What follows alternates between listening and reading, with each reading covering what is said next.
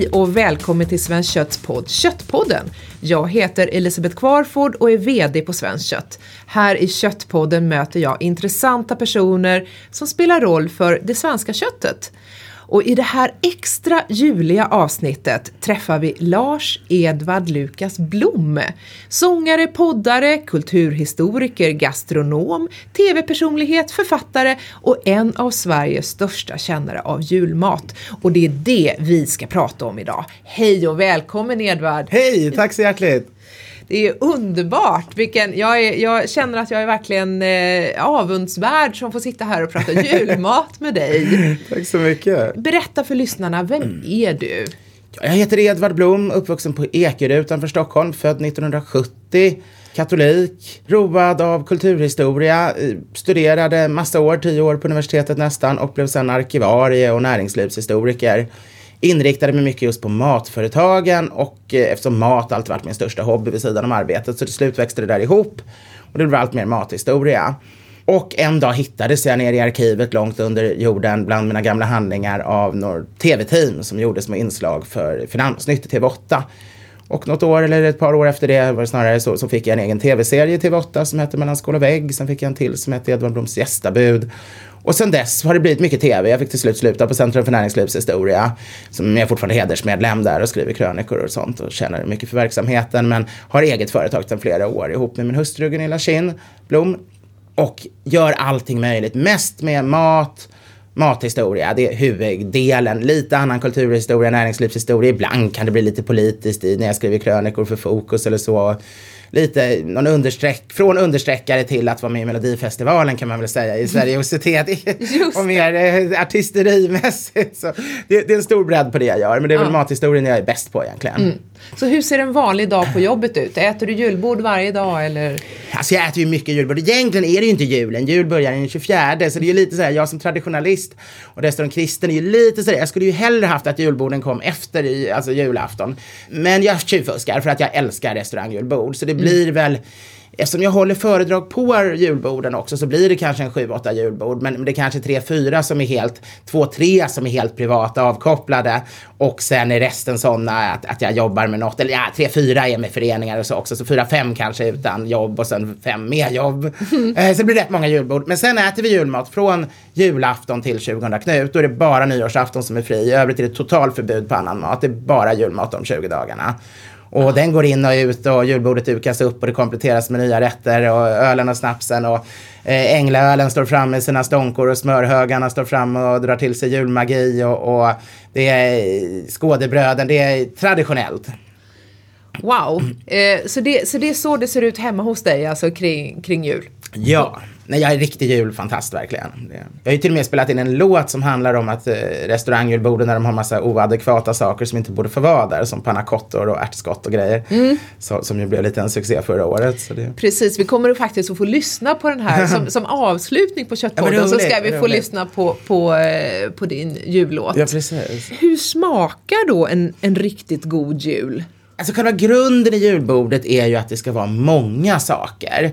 Det, man kan aldrig säga att det finns en sak som är viktigare än någon annan och därför är det ju en ganska bred smak. Men samtidigt, ska det vara historisk svensk mat så, så eh, finns det ju inte lika mycket kryddning. Så det beror på lite grann hur eh, konservativ man är. Sätter man gränsen 1890 så man får med den här korsningen av borgerlighetens jul och allmogens jul. Längre än så tror jag ingen vill gå tillbaka. Eh, för då får vi varken skinka eller senap eller kryddor eller någonting nästan, eller socker.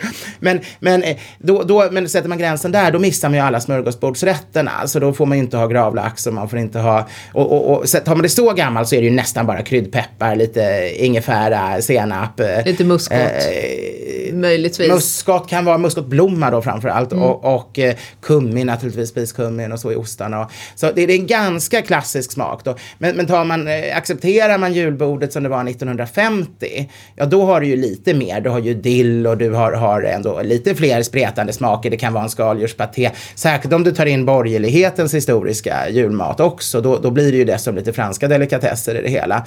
Så man kan även som konservativ få en ganska stor bredd på julmaten. Mm. Vad är det som har kommit in på julbordet efter 1950 då? Om vi tar det från början så julbordet, allra först drack man ju bara öl, vikingatid, då drack man jul. Det, det handlade om att eh, besvärja gudarna och, och hylla förfäderna och, och, andra kämpar med en ölritual. Och det här togs ju över av kristnandet, så ölritualen fortsatte, det kallades att dricka jul även på kristen tid väldigt länge och man talade om ölfesten kring jul i, i, i landskapslagarna och så. Så från början är det ölet, ganska tidigt kommer även brödet och smöret. Eh, men, men sen är det ju det, det man, gamla bondesverige. Man svalt ju hela året nästan om, om, om, om vi talar, går tillbaka alltså till, till medeltid, till, till ännu värre kanske år 1700 var det som värst. Då fick vi 90 procent av vårt näringsintag, alltså om vi talar vanliga folket, av spannmål. 90 procent spannmål. Mm. Och de övriga 10 procenten var kött, fisk, grönsaker, rotfrukter tillsammans. Så det var ju nästan bara gröt, bröd, öl och brännvin. Men till jul åt man ju kött. Och eh, det var lite olika i Sverige. Uppe i norr så var det ju mycket vilt, eh, mycket oxkött, eh, fiskrika trakter var det fisk. Men de flesta ställena var det ändå gris, för det var ju den bästa köttproducenten. Bondens sparbössa som det kallades eftersom den omvandlade sopor till kött. Så, så, att de flesta hade ändå en gris? De flesta hade en hel eller en halv gris och, och den åt man till jul. Ja. Men om man, man hade en gris. halv gris, delade man den med Då delade man med en annan gård. Det var inte så att det sprang halva grisar runt på, på åkrarna vid den här tiden. Men eh, skinkan hade man aldrig på jul. Den sålde man oftast eh, till någon mer bemedlad. Men annars behöll man den. För att vi talar ju om förråds eh, hushållning. Man kunde ju svälta jämt. Det var alltid risk att man skulle helt enkelt dö av svält. Och därför sparade man ju allting man kunde avvara så länge man kunde för att mm. ha som reserv. Satte in på någon slags matbank alltså? Ja, och skinka är ju det som vi vet med parmaskinka. Det blir bara godare ju fler år den hänger. Det är det som absolut lättast att lagra. Det var bara salta in och hänga upp eller bara torka till och med och hänga upp. Medan allt annat på grisen, det åt man till jul. Man tog ju vara på allting. Mm. Så köttet var, var ju liksom centrum i det hela eh, med olika delar, det man kunde få ut av sin enda gris. Den smaken alltså i bondestugan, då var det, det var grisen, du hade smör, ost, bröd. Det var enda gången om året du åt smör, annars sålde du allt smöret och fick nöja dig med ister på, på brödet. Eh, och så hade du det här fantastiska då, ett, ett vackert eh, silat träfat bemålat som stod i mitten av bordet och där låg kött köttet. Det var ju liksom det fantastiska. Mm. Det var egentligen det som dominerade. Om du inte hade fisk så, för att du var i Roslagen som hade julgädda eller så, utan, utan då, då, då var det köttet som dominerade. Men det var insaltat. Om vi går långt tillbaka i tiden. Mm. då hade man bara någon gris, den saltades in. Man skulle äta av den hela året, ta lite lite varje dag i, i sin rågröt eller vad man i övrigt hade. Och till jul kunde man unna sig att äta mätt på kött. Men då var det rimmat, alltså insaltat och, och eh, smakade ju därför så, som rimmat kött helt enkelt. Det var den dominerande smaken. Men nog ganska gott kött. Det var ju väldigt ekologiskt och närproducerat och, och långsamt hantverksmässigt får man säga. Långsam tillväxt och så. Mm. Om det inte var allt för magert för de hade haft det för torftigt. men men det, dåtida eh, arter var ju också, hade ju mer förmåga att lägga på sig fett. Än, eh, man har ju gjort mer magrare kött med tiden. Så det var nog ett väldigt gott kött. Mm. Och då åt man det. Det var liksom det som dominerade gamla bondesverige. Eh, man ska också säga att det där tycker jag är väldigt intressant med grisen, för den är ju en julsymbol i Sverige. Man, när man sitter där på jul så ser man ju massa grisar på, på julduken broderat, kanske på, på jul, jul eh, gardinerna, julkorten, grejs. gris. Och, och, det tycker jag man ska ta tillvara på och minnas våra förfäder. För det, det betyder bara en sak. Vi hade ett folk som hade så dålig näring och svalt så mycket att eh, den stora kristna, liksom Kristi födelsefest för många var enda gången då du fick äta rejält med griskött. Mm. Så mycket att grisen blir en symbol för jul för, för att det är då du äter gris. Annars får du nöja dig med, med nästan bara gröt och bröd. Men det här är liksom gamla bondesverige, julbordet. Mm. Sen händer någonting på 1800-talet, för då blir Sverige väldigt nationalistiskt. Vi har den här göticismen och den väckelsen. Och borgerligheten och adeln, de har ju inte ätit sån här mat. De har ätit fina stekar, absolut inte insaltat. De kunde äta en skinkstek, men de kunde också äta alla typer av fåglar och vilt och hjortstekar. De åt gåslever och ostron, de åt importerade viner, det var champagne, det var bischoff, det var punch, det var glögg. Mycket kryddor, mycket socker, allting som var fruktansvärt dyrt. Mm. Och det, det bara visa hur rik man var. Visa hur rik man var man hade råd då. Det här med att sätta nejlikor i en apelsin, det är en internationell sed. Och, och då satte man, jag har sett bland annat ett, ett museum utanför New York från en sån här riktigt rik eh, mansion då. Och, och då hade de satt nejlikor i hela så man inte såg apelsinen ens. Och den hängdes upp bara för att vanligt folk hade inte råd med en enda nejlika. Och det var i mottagningsrummet där alla skulle komma och önska god jul till patron och få någon liten, liten sån här korg med bröd eller något. Och så fick de se det där, han är så rik så han kan ödsla hundratals nejlikor i en apelsin och bara hänga upp den så den ska lukta gott. Mm. Så det, och, och, liknande var det ju i Sverige, alltså man, man, skulle visa. Men samtidigt var det ju en kul njutning. Alltså de, de hade ju jättekul baler och fester och, och hade ju high life under jul och nyårshelgen. Och det, jul och nyår var ingen större skillnad för borgerlighet och adel historiskt. Ungefär som i Frankrike idag. Det var ingen typisk julmat utan det var ungefär samma hela tiden. Med några undantag. Eh, det finns de lite mer konservativa som man kan läsa om Julie Lars på Tersmedens eh, memoarer. Då, då, då är pappan där, brukspatron. Han är ändå lite gammeldags och vill ha några rätter som känns mer bondsk julmässiga. Men så var det inte i Stockholms salonger. Men Nationalismen, göticismen, plötsligt är det inte fint nog att äta utländsk lyxmat på jul när Kristus har fötts, utan då ska man börja bli som den ädla gode bonden i bondstugorna. Och därför så tar man in all bondematen och plötsligt kommer syltor och blodkorvar och grisfötter och får komma in i de fina salongerna. Men eftersom det inte är gott nog så tar man ändå på massa kryddor och sötad senap och man tar in skinkan som den kommer alltså in där på 1800-talet egentligen blir skinkan julmat.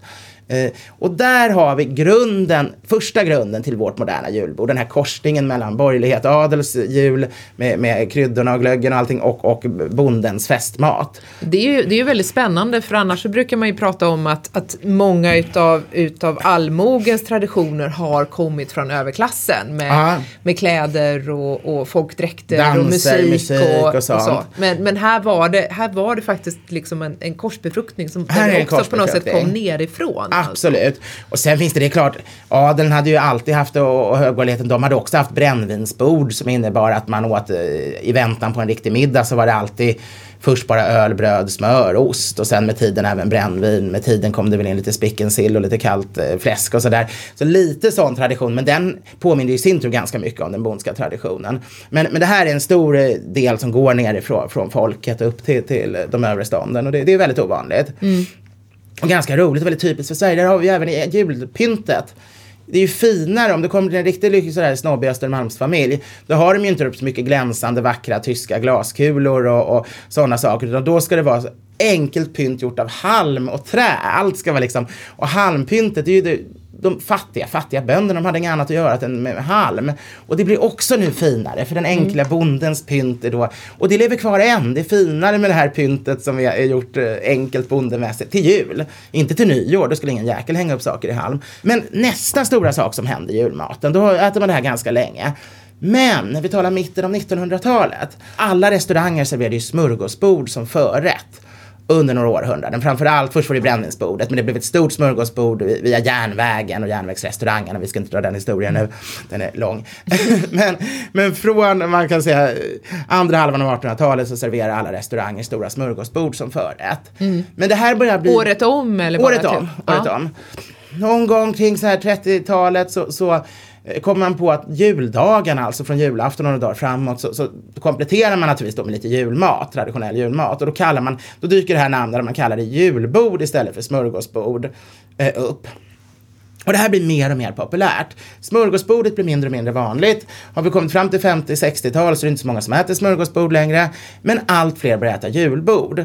Och, och då förväxlar folk för att när de går och äter julbord, restaurangernas julbord, det består till 10% 15% av julmat, kanske 20 i bästa fall. Mm. Och sen är ju resten bara gamla smörgåsbordsrätter som man inte ens kunde göra på, på julen. Det fanns inga ägg vintertid för hönorna värpte inte. Det fanns ingen mjölk och grädde vintertid. Och ändå så har vi ris alla malta med grädde och vi, vi, har, vi har ägghalvor och eh, saffranspannkakor och allt sånt där som i och för sig sen blir, de har väl i saffranspannkakor och äggost och sånt har i och för sig kommit redan i och med att vi börjar få grädde, alltså sent 1800-tal, när man börjar med elektrisk belysning och så. Men ändå väldigt mycket rätter nu som är typiska smörgåsbordsrätter som gravad lax till exempel. Sillen har kanske börjat komma in på julbordet redan tidigt 1900-tal, men det är nu det blir stort med massa kryddsillar. För vanligt folk hade ju inte råd med, med sill som hade kryddor och socker, utan vanligt folk åt ju bara saltsill. Hur länge då? När började de äta med? Sent 1800-tal blev sockret ja. så billigt tack vare slaveriet. det var därför. Men också betorna och möjligheten och, ja. och Betorna, Liksom- men de slår inte igenom i Sverige egentligen förrän, det är egentligen 1900, när vi kommer in på 1900-talet så, som det Okej. blir så billigt på grund av betsocker. Men att det börjar bli billigt redan 1850, det, det är slaveriets fel eller för- förtjänst eller hur man ser det, men det blir ju fruktansvärd mörk sak, vi skulle få socker och så, så förslavades en, en hel mänsklighet för det. Liksom det. Men så sockrets historia är också intressant. Men i alla fall, då mitten av 1900-talet, då börjar vi alltså få de här rätterna. Omeletter, som var typiskt på smörgåsbordet, kommer in. Jättepopulärt vid mitten av 1900-talet på julbordet. Men också eh, skaldjurspastejer, franska patéer, eh, gravlaxar, en, en hel del varianter. Inkokt lax som är inte heller typiskt julmat, även om man som sagt haft fisk på julbordet i fiskområden eh, som inte hade kött. Men fiskområdet kan man säga utökas då under, under 50-talet. Nu, nu kommer det plötsligt vara fisk på alla julbord. Och mycket fisk och inte bara lite grann. Utan det, liksom, det blir rökt lax har ju alltid, liksom, det är ingen konstig, det, är, det känns ju som en äldre julmat. Men väldigt mycket av de här andra rätterna kommer in nu. Och det är väl den sista stora förändringen av julbordet. Och som vi känner, för att sen tar ju folk hem dem där i hemmen. Eftersom de äter den här smörgåsbordsmaten på julborden på restaurang. Så blir det att de börjar härma det och, och ta den typen av, av, av mat även till jul. Och en del, jag menar, jag menar ål var ju typiskt julmat och rökt gås var typiskt julmat. Så mycket som fanns på smörgåsbordet eh, har också varit julmat alltid. Men en del saker är ju som ägghalvor är ju helt galet. Det känns ju liksom helt, helt malplacerat egentligen. Mm. Men alltså hur mycket av julen är, är religion och hur mycket är gastronomi för dig? Ja, alltså det går ju väldigt ihop. Det är klart att, att som kristen så är ju, är ju julen i första hand ändå det allra viktigaste är naturligtvis det religiösa. Det är ju den näst viktigaste kristna högtiden efter påsken eh, med Kristi födelse.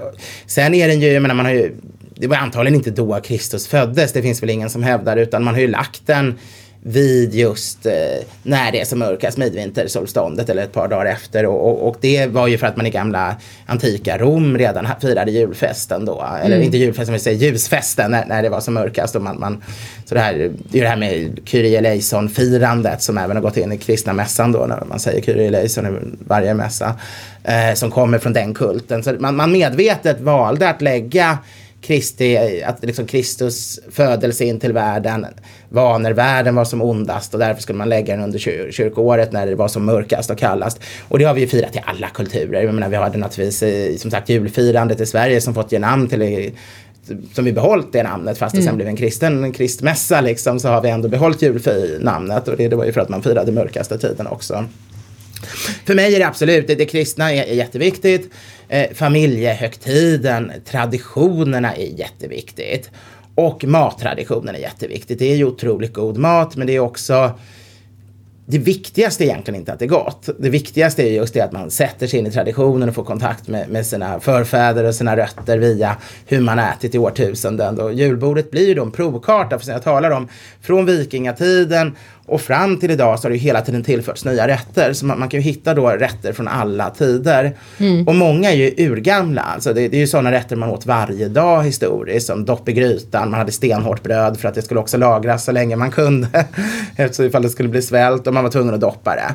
Varje dag åt man det. Eller sillsallad, väldigt vanlig festmat förr i tiden.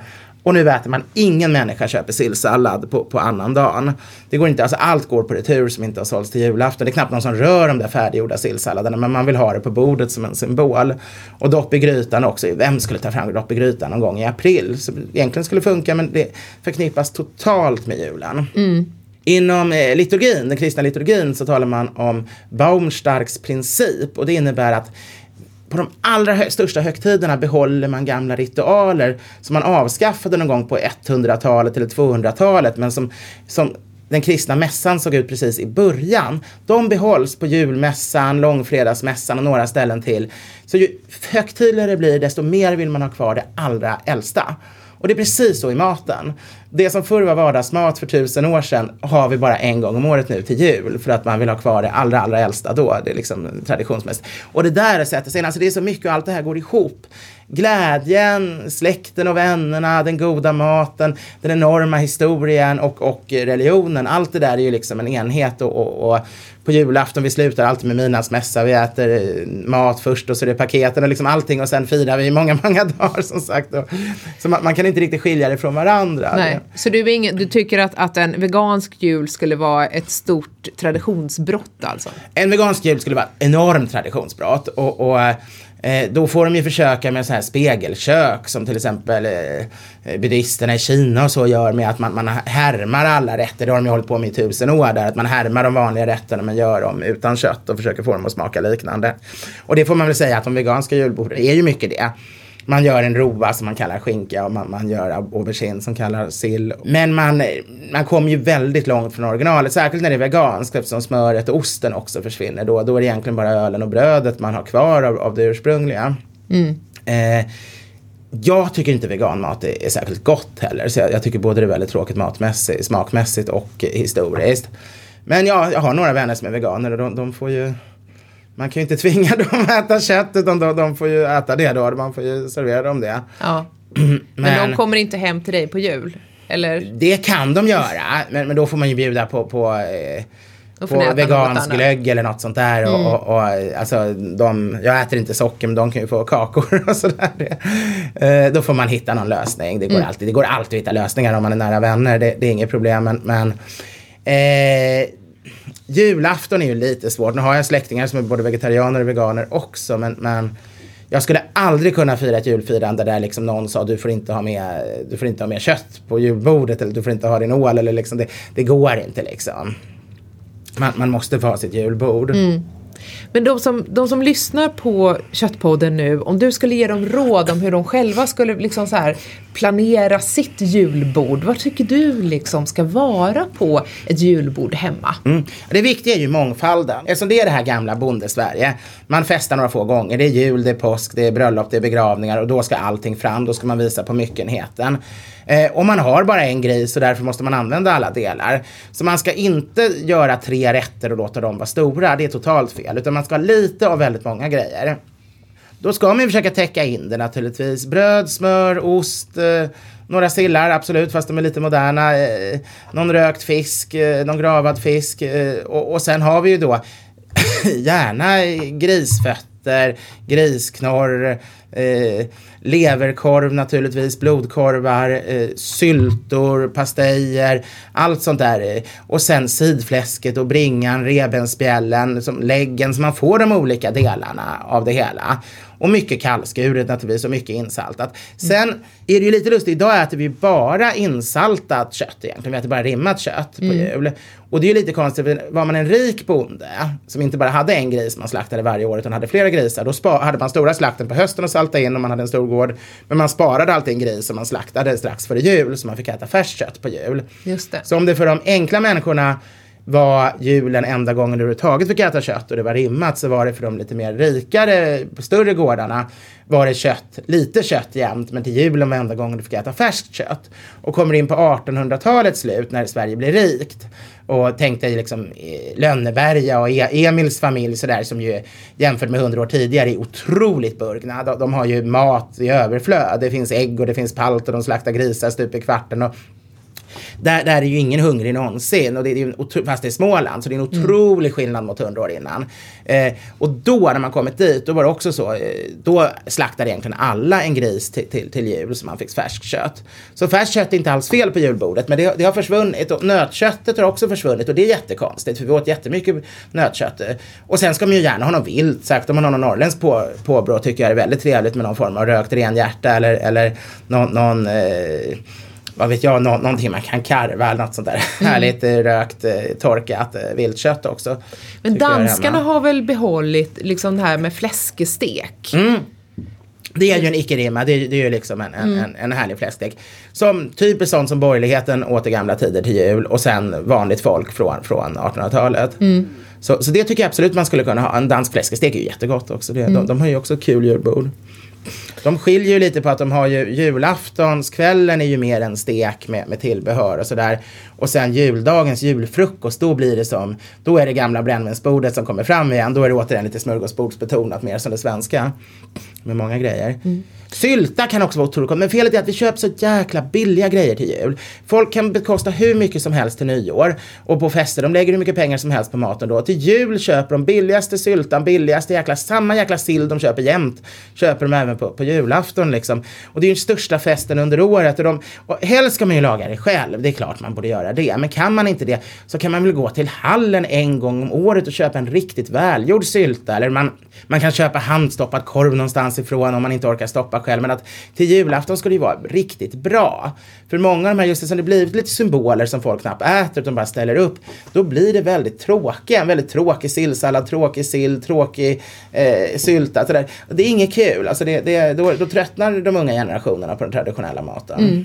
När börjar du själv laga maten så att säga? Hur många dagar innan jul och i, I de- vilken ordning ska man ta det? I de allra bästa världar, när, när det var eh, när mina bästa jular, då har jag börjat redan typ första december och satt igång. Eh, nu får jag säga det att problemet är att eftersom jag är så expert på julmat så har jag ju jobbmässig högsäsong under december. Så det är väldigt mycket föredrag och texter och jullåten ska promotas och min egen glögg ska promotas. Så det, det är väldigt mycket som händer i december jobbmässigt så jag hinner ju inte börja så tidigt längre. I år är det faktiskt idag jag kör igång för att eh, efter det här samtalet kan vi säga då kommer jag ha mycket lugnare för då har jag sagt nej till egentligen allting eh, sista veckorna före jul. Så att det är nästan allting. Men då ska jag ha tid att verkligen jobba i köket. Men helst skulle man börja i, helst ska man väl sätta julölen på, på annadagen. Det är väl egentligen det man ska börja med historiskt. Sen kan man ju göra sånt som man kan frysa in. Sill, sill får ju gärna några veckor till förväg. Skadar ju inte de, de eller i alla fall eh, en tio dagar före så de får ligga ett tag i sin lag. Mm. Och bli riktigt trevliga. Korv kan man ju stoppa och, och eh, Ska den torkas måste man ju vara väldigt tidigt ute. Men annars kan man ju frysa in korvarna också så man lite grann leverpastej gör jag alltid egen. Det tycker jag är väldigt gott. Det är så här magiskt. Man tar bara rent fett. Och så tar man ren lever och ingenting är särskilt gott i sig bara som det är. Och så maler man hälften av båda och så kryddar man bara med lite ansjovis, en sten konjak och lite svartpeppar och salt. Och så får du den här fantastiska pastejen som varken smakar ister eller lever. Den har liksom en helt egen smak som, som av ett under. så egen lever, leverpastej tycker jag absolut folk ska göra. Blod, blodkorv tycker jag också man, man kan tänka att det, det är någonting som är lite bortglömt. Men Ja. man sparade självklart allting, man använder ju allting så allt blodet användes ju också. Det, jag gillar sådana där eh, Men blod det köper man fruset då? det köper man fruset, precis. Så det, ingen gör ju sin egen blodpudding idag fast det är inte svårare än att göra pannkakor. eh, Och blir mycket, mycket bättre. Men det är ju också det här bara för att folk är lite rädda. De tycker det är äckligt med blod liksom. Folk är ju så jäkla känsliga på allting som rör inälvor numera. Man skulle behöva lära dem i skolan och steka hjärna och äta fårögon och sådär för att få folk att bli lite normala igen. Men fårögon, är det någonting som vi har ätit jättemycket av historiskt sett? Absolut, man absolut, man skulle aldrig slänga någonting ätbart. Och ögonen är ju oerhört feta, det är ju som osockrad crème brûlée skulle jag säga.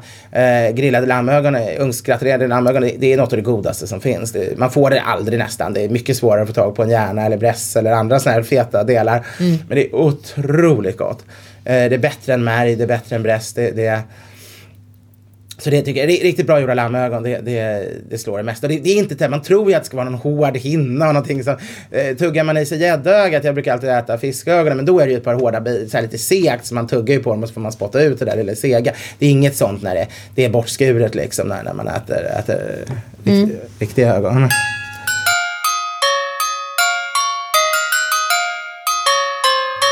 Och nu är det ju dags för oss att provsmaka lite julbord också. Så här kommer först då det kallskurna men eh, med lite sill först tillsammans med ost och härliga lökkorvar och julkorvar och oxbringa och syltor och sida och julskinkor av diverse slag.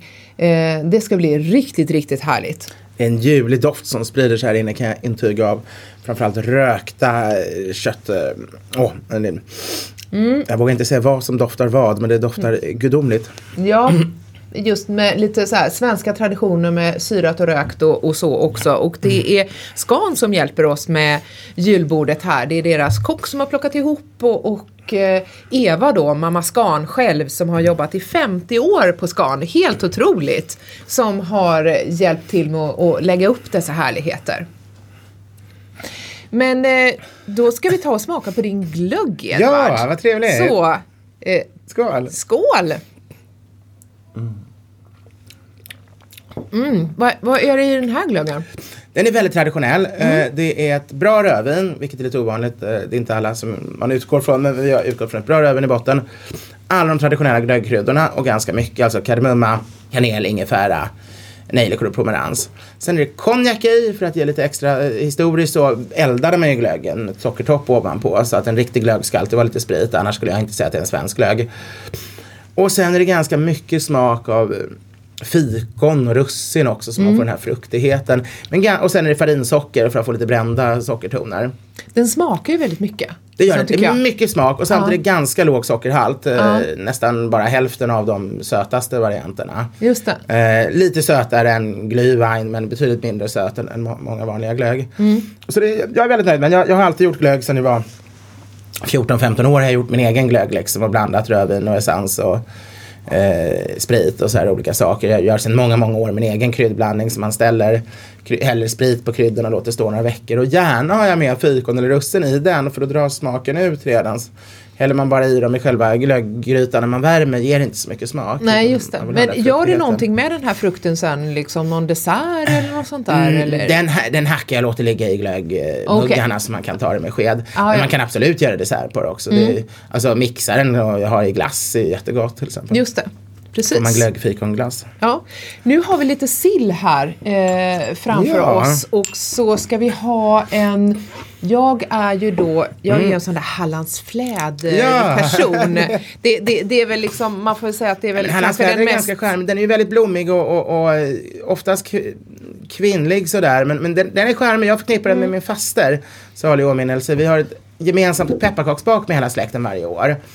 Och, och, och när jag då var sådär i 20-30 årsåldern sådär 40-årsåldern, det var många år.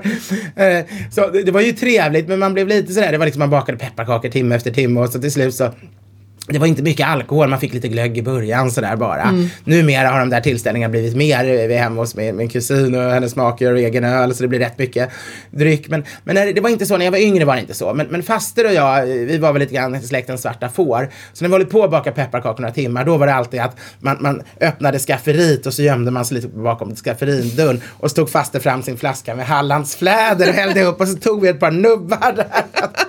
Så det förknippar jag det med. Så jag, jag tycker väldigt mycket om Hallandsfläder därför. Men nu har jag tagit en beska droppar som är mitt absoluta favoritbrännvin och som ju gör att man kan äta mer. Den ska man alltid ha till julbord för den ökar aptiten och eh, hjälper till med bryter ner fettet. Det är malörten som gör det. Ah, Spriten okej. bara bedövar så man kan äta mer överhuvudtaget för att man inte känner att man är mätt. Men malörten har faktiskt ren medicinsk verkan. Ja, precis. Nu ska vi ha lite, lite sill här först. tycker jag är, är gott liksom innan man... Sillen ska man ju alltid börja med. Mm, naturligtvis. Och aldrig blanda. Åh vad trevligt. Lite bröd naturligtvis. Historiskt hade man ju stora högar med bröd framför varje person med olika former och smaker. Så man fick såna här brödhögar varje medlem av hushållet. Och smör var ofta en, enda gången om året. eh, Det var till jul man fick äta smör. Men det var ju många som också sålde smöret efteråt. Alltså att man bara lät det stå, stå framme och inte åt lika Ja. mycket. Och man hade ju både ett smör man åt och, och en smörhög som, som hade kultiska funktioner då. Och den ansågs ju dra till sig julens magi så den kunde man ju ha som universalmedicin sen. Och smörja in korna med om de inte kunde mjölka längre eller om någon, någon dräng fått kallbrand så fick han en sked härsket gammalt julsmör. Mm. Hemma kör vi med det där att vi har en, en smörhög.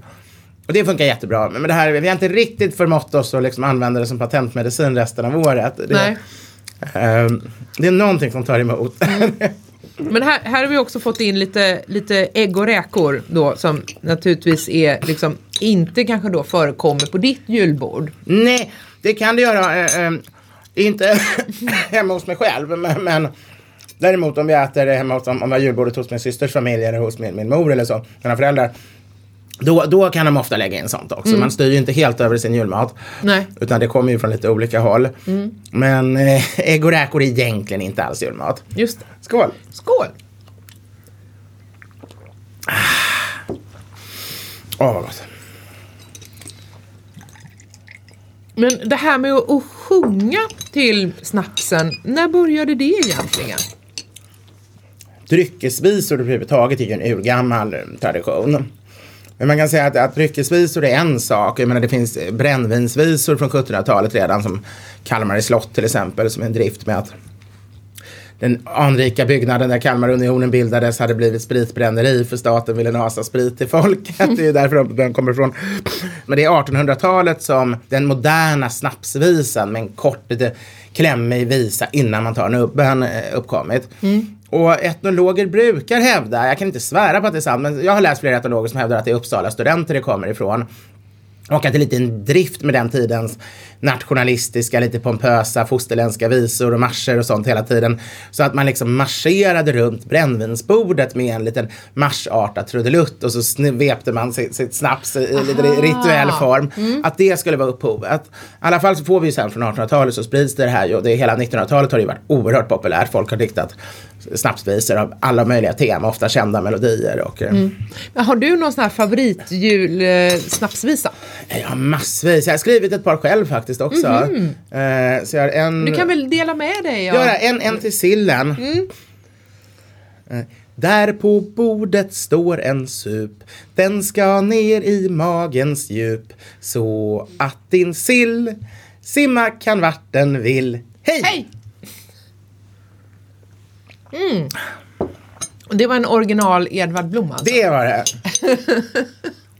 ja men det är bra. Du, du ligger i hårdträning nu för sång förstår jag. Också. Ja, jag skriver min Melodifestivalen. Det är helt galet.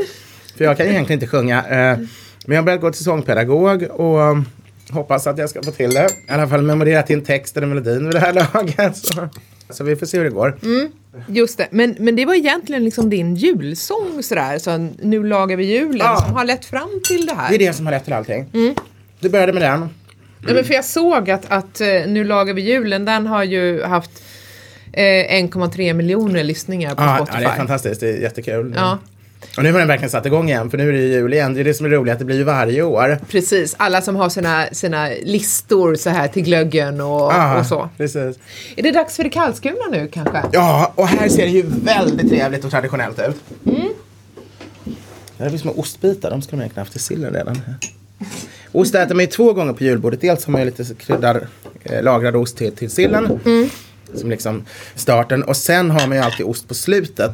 Och då måste man ju ha ostsupen som är en väldigt viktig del av julbordet också. Den kan vara väldigt liten, en liten klack, men den ska alltid vara där. Ja.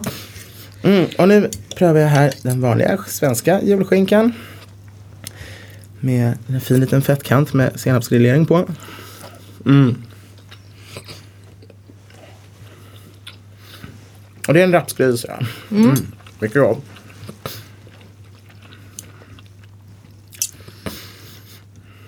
Mm, nu pratar vi inte så mycket här för att vi har munnen full av mat. Mm. Um, hur, hur många gånger ska man ta av julbordet? Liksom? Hur många omgångar finns? Mm. Om vi talar restaurangjulbord då gäller smörgåsbordsprincipen att det är sju assietter. Det är väldigt viktigt att man delar upp det på sju assietter. Det betyder ju inte att man, inte, att, att, man bara går sju gånger för sen vill man ju ha mer av massa saker. Mm. Så man börjar ju men det är sju olika typer av assietter och sen kan man ju ta på back, backningsassietter av varje också. Så oftast blir det ju kanske snarare 14 turer. Och det är därför man ska ta bojkotta restauranger som har julbord som tar in för många gäster så det är så 20 minuters väntan varje gång i kö. För då blir det att folk bara bygger Babels torn av allting på en gång för de kommer aldrig mer hinna fram till julbordet och det blir sunkigt och otrevligt. Man, man ska gynna de restaurangerna som inte är så snikna utan faktiskt låter det vara så pass spritt så att man aldrig behöver köa utan det är man, man kan gå dit och man kan gå varje gång man vill ha något nytt. Det tycker mm. jag det är faktiskt det första kriteriet. Innan, första kriteriet på ett bra julbord på restaurang är inga köer. Därefter kommer kvaliteten på maten och det tredje är mängden olika sorter. Mm. Och så ska man väl också tänka på att inte lägga upp mer än vad man faktiskt har tänkt att äta upp. Också. Man måste äta upp. Det är en Men det är inte alla som gör. Det är en dödssynd att slänga mat. Mm. Mm. Det är väldigt snålt och, och att få åt sig massa och sen inte äta. Utan ta pyttesmå bitar av allting. Och sen det är just därför man ska kunna då, då att det inte ska vara köer. För då kan man ta pyttesmått av allt. Och sen går man andra gången och tar påbackning av det man, man tycker är goda. Så först tar man en silltallrik. Provsmakar all sill. Sen går man och hämtar den bästa sillen. Sen är det provsmakning av alla de kalla fiskarna. Och sen tar man en till tallrik med det bästa av de kalla fiskarna. sen kommer det kalla köttet. Man kan möjligen lägga in lutfisken däremellan skulle jag säga förresten. Eh, och om man, lutfisken kommer alltid efter, efter eh, kalla fisken. Men sen kan man välja om man vill ha lite andra varma fiskar. Om det finns sådana i olika varianter ihop med småvarmt eller om man vill ha ihop det eh, efter lutfisken. Och sen kommer det kalla köttet och sen kommer småvarmt. Och sen är det ju ost och efterrätter. Mm. Och sen är man mätt.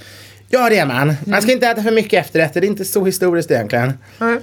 Man får vara lite försiktig med sillen så inte det tar allt för mycket plats i magen. Men sen, sen kan man bara dundra på. För de kalla fiskarna och de kalla kötträtterna är liksom det bästa sådär. Och sen är det inte så farligt om man är lite för mätt innan, innan risgrynen kommer. Mm. Nu provar jag den skånska skinkan här. Mm. Jag tycker verkligen om när den är lite rökt. Ja. Kunde möjligen vara lite fetare men, men jag, jag gillar ju fett verkligen. Men då kan man ta en brödbit och så brer man massa ister på och så lägger man den på där. Då får man ju fettet den vägen. Mm, just det. Vill du ha lite bröd här förresten? Bra trick. Ja, tack. Ja, du har. Det blir ett bra trick om, man, om, om, om skinkan är för mager när man är bortbjuden så bre rejält med ister på den. Och ister har vi sånt sjukt överskott av idag. Ja, det har vi ju verkligen. Det har ju blivit som en, en biprodukt som slakterierna har lite svårt att, att bli av med. Jättekonstigt för det är så bra att steka i och bra på smörgås. Och... Ja. Men likadant med fetter. nöttalgen liksom är ju också en fantastisk Ja, ah, det är alltså steka nötkött. Nu, nu går det ju att köpa nöthaljen då. Det är Mm. och det blir ju alltså en, en, en entrecote eller en biff. Den blir ju mycket bättre om du steker i det. Mm.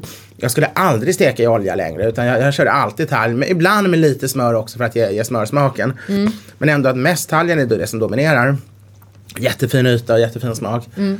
Och sen använder jag jättemycket gåsflott också i matlagningen. Och det räcker ju, steker du en gås till, till mårten och en gås till jul, då har du ju så många liter gåsflott eh, bara självproducerat så du inte ens behöver gå och köpa något. Just det, då, den som spar den har. Och det här är syltan, det måste vara. Det var en pressylta tror jag. Mm, pressyltan. Jag, jag växte upp med pressylta. gott. Min, min, eh, för när jag var liten då kom det, den halva grisen köptes in till jul och så tog pappa fram styckningsschemat och så stod han där och karvade och så åt vi Eh, fläskfilé åt vi på kvällen medan styckningen pågick. Liksom. Då ställde sig mamma och, och stekte på fläskfilén och så stod vi barn där och fick liksom på gaffeln typ och, Ja, och, och åt. Eh, och sen så en av de, de grejerna som pappa var väldigt noga med det var just hans pressylta. Mm. Så, där jag brukade hjälpa honom med för då skulle svålen läggas i botten på, den här, eh, på det här kärlet. Liksom. Mm. Och sen så skulle det varvas ordentligt och det skulle vara med kryddning och det skulle vara fett och, och så. härligt. och så tryck uppe Ja, på naturligtvis för annars blir det ju inte då, det ska ju pressas. Som sagt. Eh, Sylta tror jag faktiskt är en, en, en sån där del som skulle kunna få uppsving igen. Det är ju, gör man det rätt blir det fantastiskt gott. Och, eh, den här vanliga kalvsyltan i affären, jag vet det är nästan bara, ja, nu har nästan målgruppen dött ut, men för 20 år sedan var det nästan bara mycket äldre damer här som köpte. Jag hade faktiskt en, en, en kollega för det är 15 år, 17-18 år sedan som var sån här jättetrendig och hipp uh, ung tjej. Och hon åt kalvsylta tre dagar i veckan. Sen åratal. Det var hennes så här standardmat som andra köpte burgare. Köpte hon en kalvsylta och skar upp. åt med lite rödbetssallad och potatis. Så det är ju egentligen inget fel på det. Det är bara vad blir mode och vad inte mode. Men det finns ju när, när man gör dem så här. Alltså bra syltor är ju jättegott. Det är ett fantastiskt sätt. Men det har varit lite rädsla för gelatin tror jag. Som är väldigt konstig. Som kom någon gång på 60-talet. Som jag inte kan förklara. I, liksom århundraden har nästan alla kulturer haft massa rätter med gelatin och det är fortfarande jättepopulärt i många andra länder. Men i Sverige har vi fått för oss att det är otrevligt med, med, med gelatingrejer. Att det, Något som dallrar lite. ja, att det inte är bra. Jag vet inte om det är den här fetträdslan som kom på 60-talet. Som då spillde över, som fett dallrar så dallrar och gelatin också dallrar så blir man rädd för gelatinet också som är ju rent protein som annars är så inne idag. Men vad är det för skillnad mellan en sylta och en aladåb? Ja, ganska lite egentligen. Men aladoben är ju mer gelé. Alltså syltan har du ju verkligen hackat kött och blandat ut med gelatinlösningen. Så den är ju inte klar. En aladob är liksom klar med hela bitar i. Med- Medan syltan så är köttet helt eh, uppblandat om vi talar vanlig sylta. Sen pressylta och, och rullsylta, då är det ju mer hela bitar som man inte ens ser någon gelatin. Eh, men men, men alltså en vanlig sylta är liksom, men, men då- det går inte att se igenom. En aladob är som ett akvarium. Mm. Liksom som en vacker genomskinlig sak där det flyter små bitar inuti. Väldigt populärt i slutet på 1800-talet. Va? Nu skulle Enormt, de där fantastiska enormt, ja. formarna liksom, som, som man hällde ner det här i och så skulle det stå där och svaja på eh, middagsbordet. Det är häftigt. I Polen kan du fortfarande köpa det i vilket snabbköp som helst. Köpa eller en, en inplastad aladåb och käka till lunch. Det, Okej.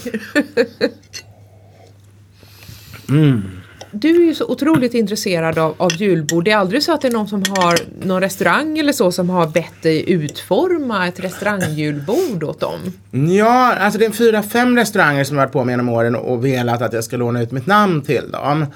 Men det har väl aldrig riktigt gått. Det hade varit tal om att jag ska vara med och utforma då och sådär. Men jag har faktiskt inte riktigt vågat gå in på det. Dels för att Eh, de skulle ju gärna se att man var där varje kväll och det är ju inte möjligt naturligtvis. Jag kan inte fysiskt dyka upp varje kväll och stå på scenen. Det skulle bli för, för ansträngande.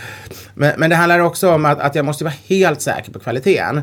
Ska jag, ska jag låna ut mitt namn måste jag verkligen veta att det är lika bra kväll efter kväll efter kväll. Och jag har haft en del andra sådana restaurangsamarbeten. Jag hade ett jättetrevligt med Wallmans till exempel där de lagade liksom massa av mina rätter från olika kokböcker och gjorde det jättebra och höll på någon månad med det. Sådär. Så jag, jag skulle gärna göra ett, ett restaurangjulbord vid tillfälle men, men det kräver att jag har 100% förtroende för, för den kocken och, och det teamet. Och, och att man kan få till det liksom med kontrollmekanismen. Så, så ingen säger att jag åt Edvard Bloms julbord och det var inget bra.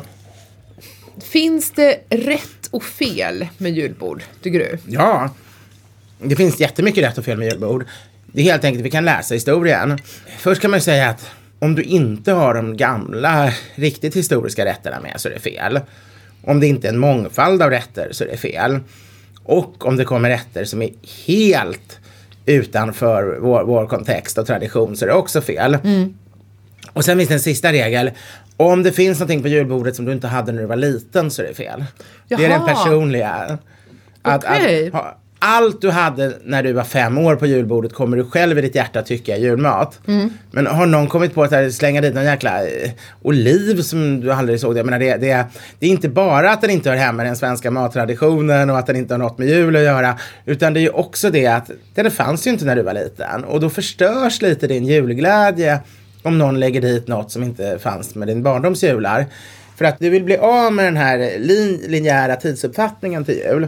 Du vill att det ska bli en rund tidsuppfattning när du upplever att tiden är helt samman. Varje jul är samtidigt närvarande. Du är både ett år och tio år och 35 år. Allting är liksom närvarande på en gång.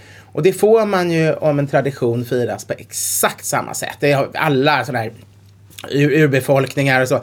Alla kulturer har ju det där. Man firar årsfester, de ska vara likadana. Och då händer det här att plötsligt snurrar det till och du känner på något vis en närvaro från alla, alla, alla tider samtidigt. Och, och det saboteras väldigt, väldigt lätt. Det får inte vara saker som, som du... Det är okej om du har, har kommit in så långsamt så du inte har märkt det. Men om det är någonting som avbryter som du känner det här är inte tradition. Då går lite det här förlorat. Då känner du, ja nu är det 2017, hur kul är det? Det kan ju vara så att det har tillkommit liksom så här respektive som har med sig sina barndomsrätter också. Ja, och det måste man ju acceptera. När, när min syster eh, gifte sig, eller redan några år innan, när, när min svåger kom in i bilden, 88, 87 någonting tror jag. Han, han, då kom ju långkålen in i mitt liv och det är jag väldigt lycklig för. Det är Det är verkligen jättegott med som- halländsk grönkål som får koka riktigt länge i, i... Jag kan säga att den, den kom faktiskt in i Mm. mitt liv också genom en respektive. Den det minns inte jag från, från min barndom men det har ju Nej. varit en väldigt trevlig bekantskap. Det är vanligt är gott. En av de få tillåtna grönsaksrätterna på julbordet. Men det ska ju vara mycket skinkspad i. Och, och grädde. Mm. Och Koka länge. Ja, och kryddpeppar. Den svenska universalkryddan. Åh vad gott det är. Men den funkar ju bra att frysa sen också. Ja, För att vi brukar alltid göra lite för mycket. Mm. Ehm, så att även om jag tappert liksom fortsätter att äta den sen eh, under mellandagarna och så. Jag är ju sån, jag äter ju inte bort dem för nyår. Det är, där, Oj, där tar det okej. på något sätt slut. Liksom. nej men oj, det är inte många dagar du äter julmat då. Nej, det, å- det åker ner i frysen eller För mellandagarna var det till så. 13 dagen. Det är också en misstag folk gör. Att, I och med att nyår aldrig var någon stor fest historiskt. Eller det har funnits nyårsbaler i Sverige bland adeln. Men annars.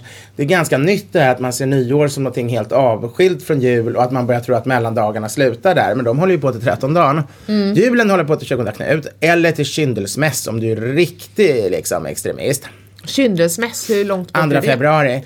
Kyrkoårshistoriskt så pågick julen fram till 2 februari kyrkoårsmässigt. Till exempel i Mexiko hänger juldekorationerna kvar i, i, i kyrkorna fram till dess. Fram tills förra året var eh, alltid krubban på Petrusplatsen, Petruskyrkan, den var kvar till till kyndelsmäss. Men tyvärr, annars tycker jag vår nuvarande påve är fantastisk, men tyvärr har han moderniserat och tyckt att det är för gammeldags att ha kvar krubban ända till 2 februari för att ingen tycker längre det är jul. Men där gör han ju samtidigt säger kyrkan att man inte ska börja fira jul under advent som ska vara en lite återhållsam period. Och när han då tar bort julen eh, och börjar liksom norpa på den sidan, då kommer ju folk fira ännu mer i december. Så där, där gör den helige fadern ett stort misstag tycker jag. Men, Jag har eh, en liten eh, snapsvisa om kött också faktiskt. Ja, så trevligt.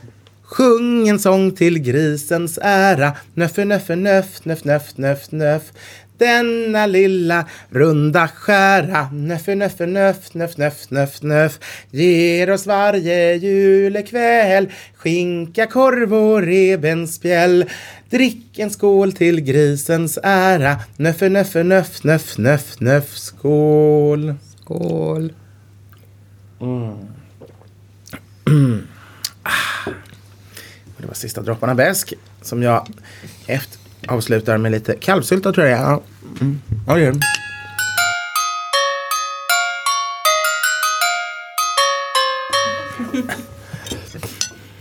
Så du är inte sån som äter potatis till sillen liksom på, på julbordet? Utan det, man blir Alltså man, är ju så, man är ju så van med det. Men potatisen var ju fattigmansföda när den kom.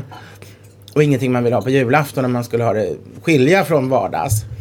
Så därför är det ganska sent att börja äta potatisen. Du måste komma upp i den nivån att du lever så pass burget och har så fantastisk mat hela tiden att du inte längre tänker på vad som är billigt och vad som är dyrt.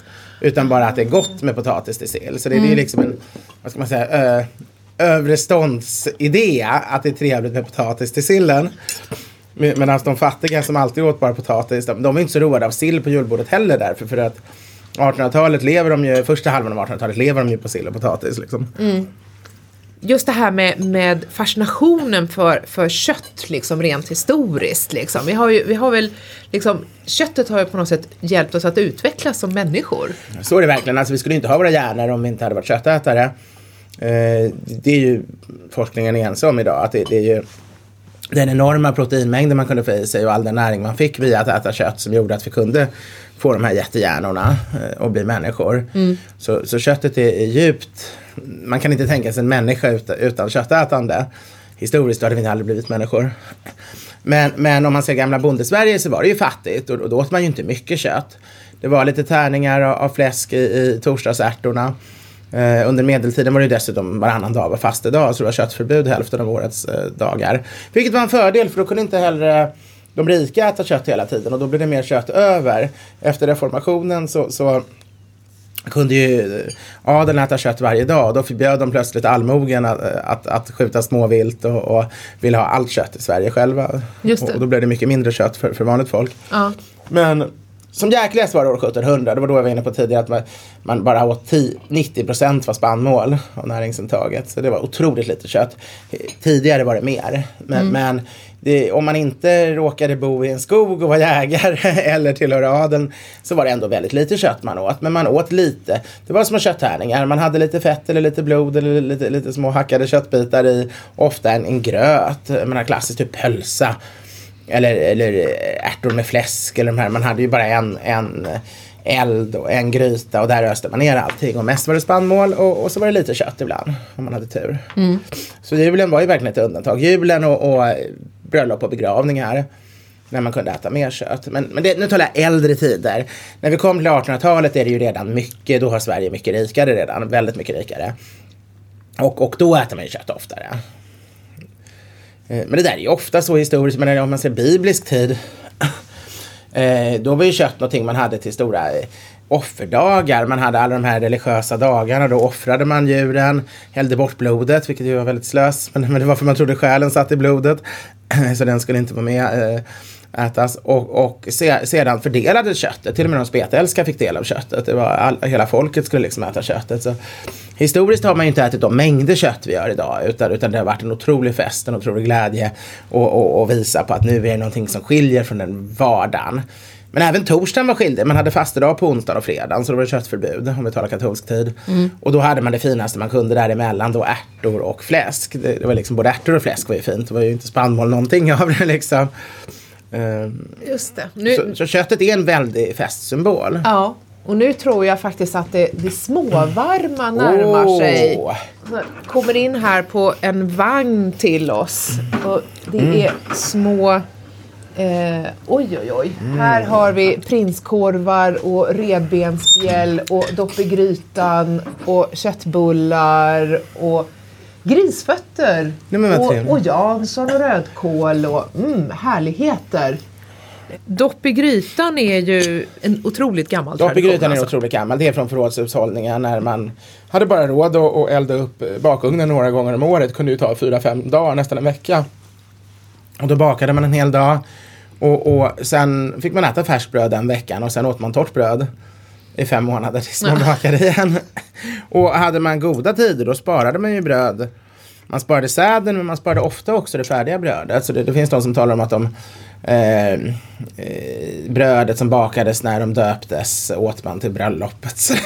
mm. Då hade man haft väldigt goda tider. För hade man dåliga tider så åt man ju färskt bröd. För då var det sista man åt innan man svalt ihjäl.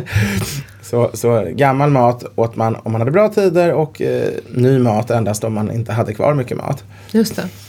Eh, vilket är märkligt. Men det gjorde att man var ju tvungen att doppa brödet. Mm. Och dopp i grytan var ju därför den klassiska vardagsmaten. Det här är lite finare dopp i grytan för man doppar i fläskspad.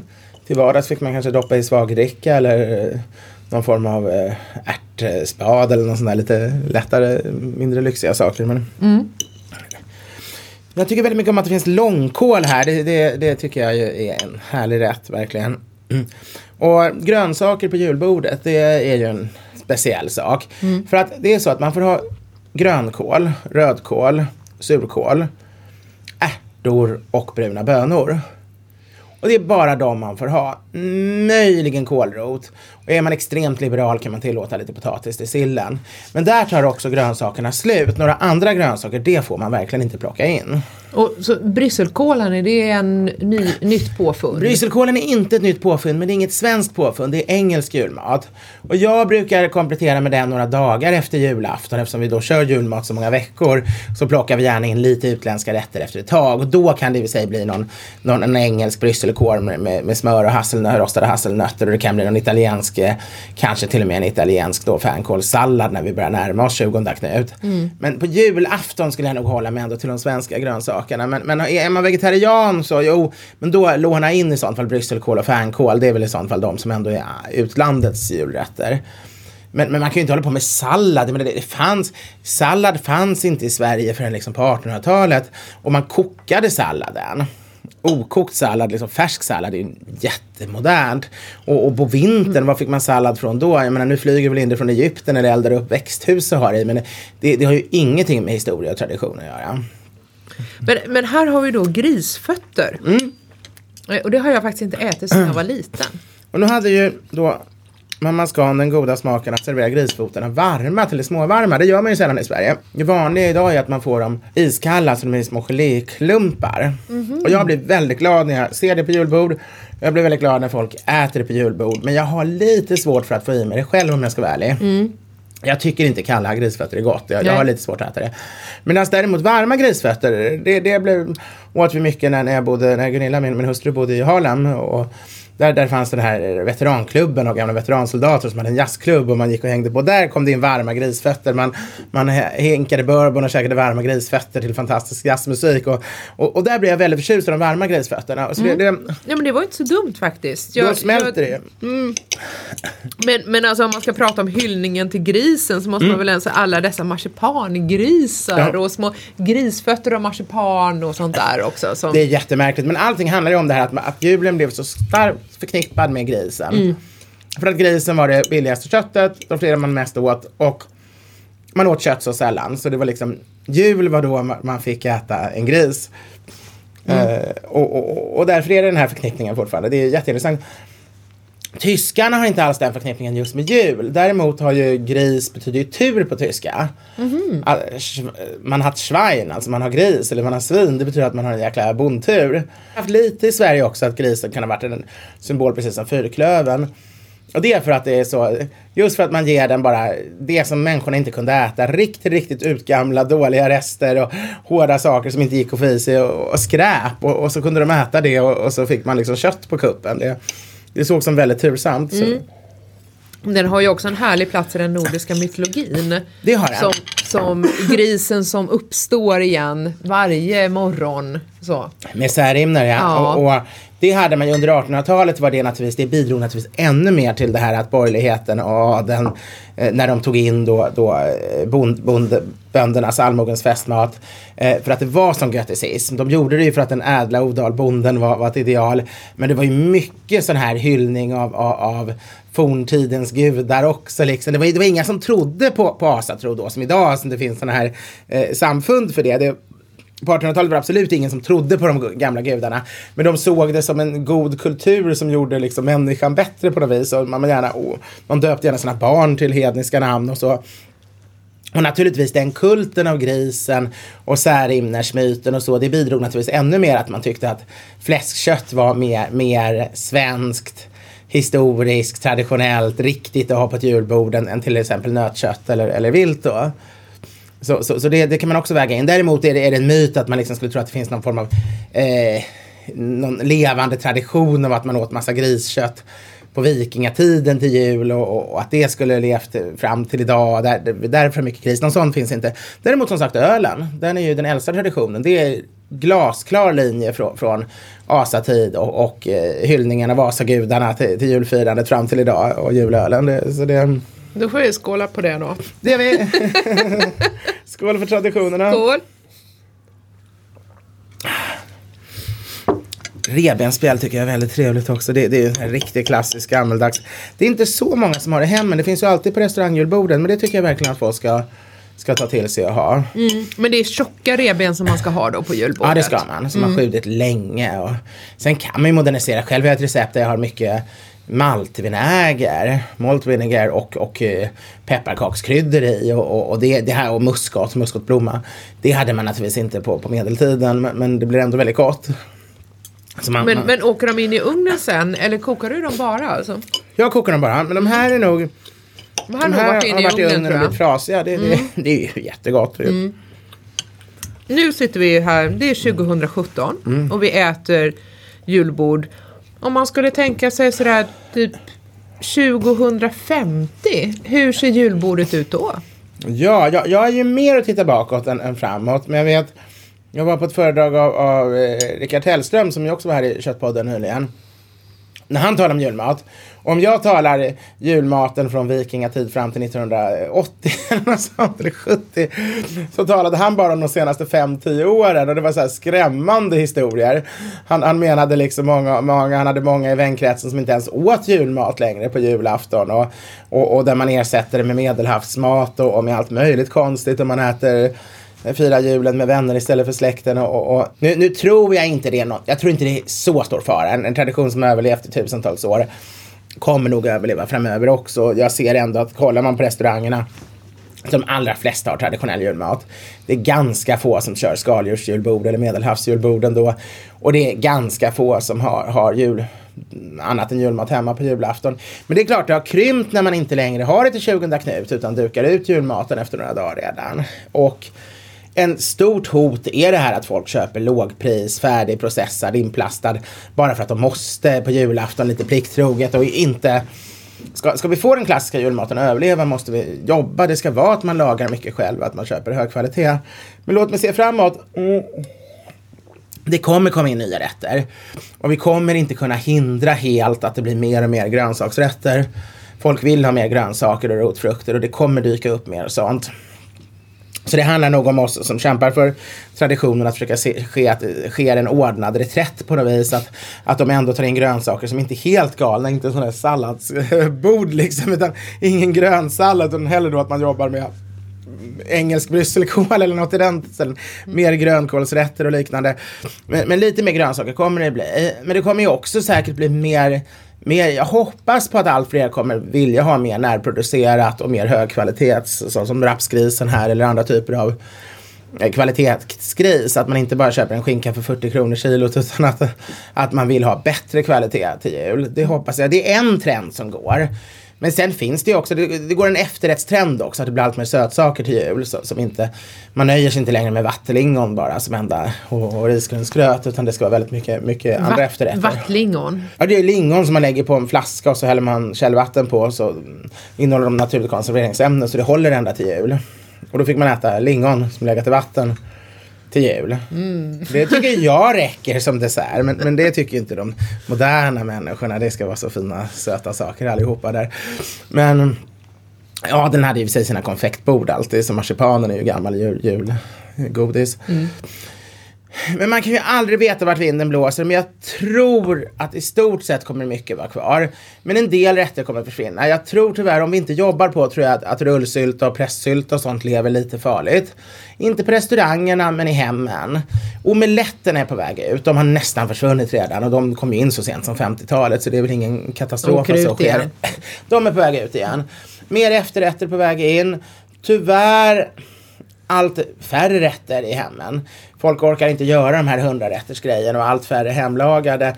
Men samtidigt har man en mottendens med, med i och för sig en del väldigt roliga, alltså folk som verkligen älskar mat och jobbar mycket. Egen julöl är på väg starkt in igen. Det har kommit tillbaka som hade dött ut 1890. Allt fler brygger sin egen julöl. Jätteroligt. Brödet har blivit bättre. Där, där kommer vi mer historiskt tillbaka. Men eh, vi har en enormt starkt tryck av medelhavsmat i Sverige. Den franska maten är ju lite ute konstigt nog och, och husmanskosten tuffar väl på men vi har ju en bizarr nästan påverkan av just medelhavsmat och det påverkar julbordet, det kommer vi inte komma ifrån. Det är många som tar in ju, just medelhavskost på julborden och det kommer komma in Olivolja och torkad skinka och... Ja, prosciutto, chorizo och en skål oliver. Jag, jag tror inte det kommer anses som något jättekonstigt om år, år vad sa vi, 2050 att det står några oliver på julbordet. Och jag älskar förvisso oliver men kanske den dagen Finns kanske det lika mycket tillfälle. salt på julbordet ändå kanske? Som... Ja, men ungefär där. Sen, sen har det ju fettsnåla trenden tror jag är över. Det kommer inte komma. Men det finns ju en sån här jobbig tendens att en del människor vill ha nytt hela tiden. Att veckotidningarna, de skriver, jag skrev en debattartikel om det i Aftonbladet för några år sedan. Det är ju alltid när man läser veckotidningen, det står ju aldrig lagade urgammal traditionella jättedyra hyperfeta julbordet som det skulle stå. Utan det är antingen ska det vara grönt eller magert eller billigt eller enkelt.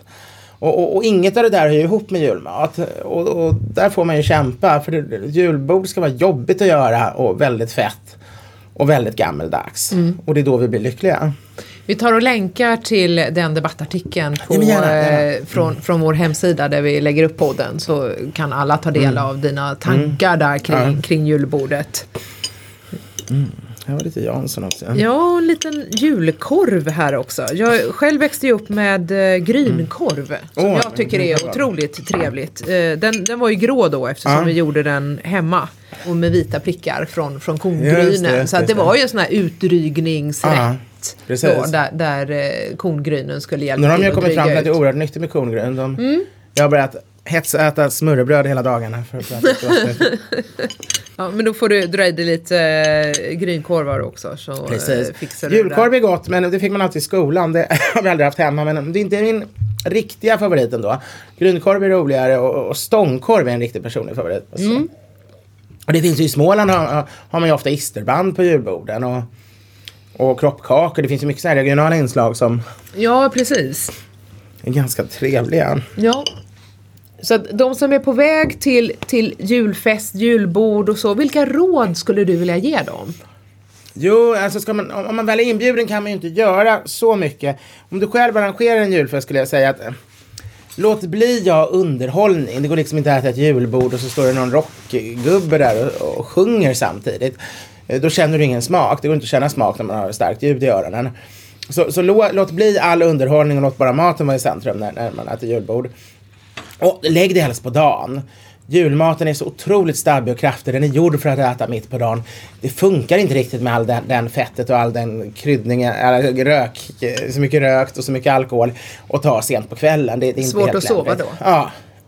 Så lägg det på dagen. För, för eh, gästen själv Jag menar numera, jag går ju på julbord hela tiden. Jag minns ju fortfarande studentåren när man, man fick julmat hemma, men man gick ju inte på ett enda, student, enda restaurangjulbord. Och inte ett enda restaurangsmörgåsbord kanske på ett helt år. Det kunde gå tre år mellan julborden på restaurang. Och sen började man jobba och då fick man ett julbord per år, det som företaget betalade. Och då var det ju en enormt stor sak. Då handlade det om att förbereda sig rejält. Och då handlade det om att redan dagen innan ska man äta en jättekraftig lunch och en jättekraftig middag så man töjer ut magsäcken. Samma morgon så ska man äta frukost för man måste få igång systemet. Man ska äta lite och med mycket fibrer. Eh, inget fett egentligen, bara kraftigt grovt bröd eller havregrynsgröt eller något så allting sätter igång. Och sen kan du inte äta något mer, men du får absolut inte låta magen dra ihop dig. Så sen ska du dricka enorma mängder vatten un under hela dagen så att du håller magsäcken uttöjd utan att, att liksom fylla den med något. Och så typ två, två och en halv timmar innan, då slutar du dricka också. Och då kommer du med en extrem hunger och kapacitet till julbordet. Så är det ditt enda julbord så, så jag jobbade väldigt koncentrerat på det. Men som sagt numera får man tio julbord så är det snarare så att man försöker hålla igen lite grann och att man tar de bästa bitarna. Men, men det är inte alla som har så utan, utan det är viktigt att äter man väldigt lite julbord så, så, eh, så någon gräns får man ju sätta. Men det är mm. klart att ska man någon gång äta väldigt mycket så är det ju till jul. Mm. Köttpoddens julspecial där jag har ätit julbord med Edvard Blom närmar sig sitt slut. Idag har vi lärt oss att man ska förbereda sig väldigt väl för julbordet så att det finns plats för riktigt mycket mat. Att på julbordet så återupplever vi vår tusenåriga historia.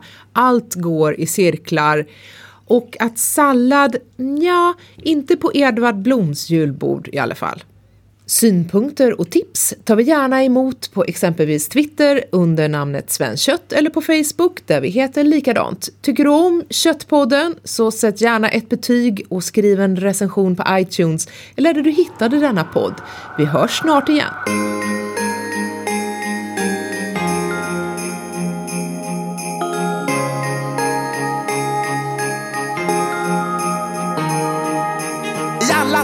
Tider har julbordet varit en trevlig tradition. Men det hotas av nymodigheter som panna cotta, alger, halloumi och chorizo. För vart år kommer det någon dum men förgänglig sensation. Och jag ryser åt tanken att tacos och ärtskott ska fritt få rumla runt med dopp i grytan. Det är hög tid att lyfta fram det klassiska det inlagda, feta, glaserade och fantastiska. Så nu lagar vi jul, jul, jul, jul igen. Nu lagar vi julen, nu lagar vi jul, jul, jul, jul. Allting gott och alldeles för mycket. Jul, jul, jul, jul igen. Nu lagar vi julen, nu lagar vi jul, jul, jul, jul. Allt för glada magar, nu lagar vi julen.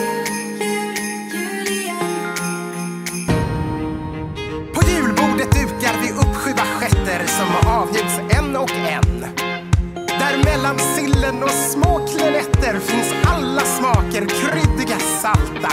Janssons frestelse, lutfisk och sylta och läckra revbensspjäll. Rundrökt ål, brysselkål, snaps och skål.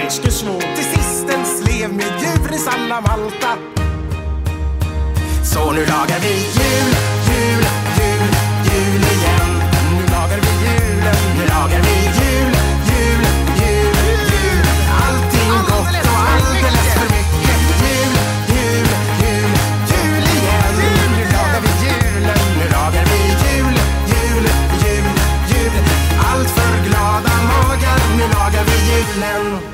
Men glöm ej bort att som start en liten bottenskyla sätter fart. Och sillen får något att simma i. Du känner hur det spritter av juleufori. Så nu lagar vi jul, jul, igen. Nu lagar vi julen. Nu lagar vi julen.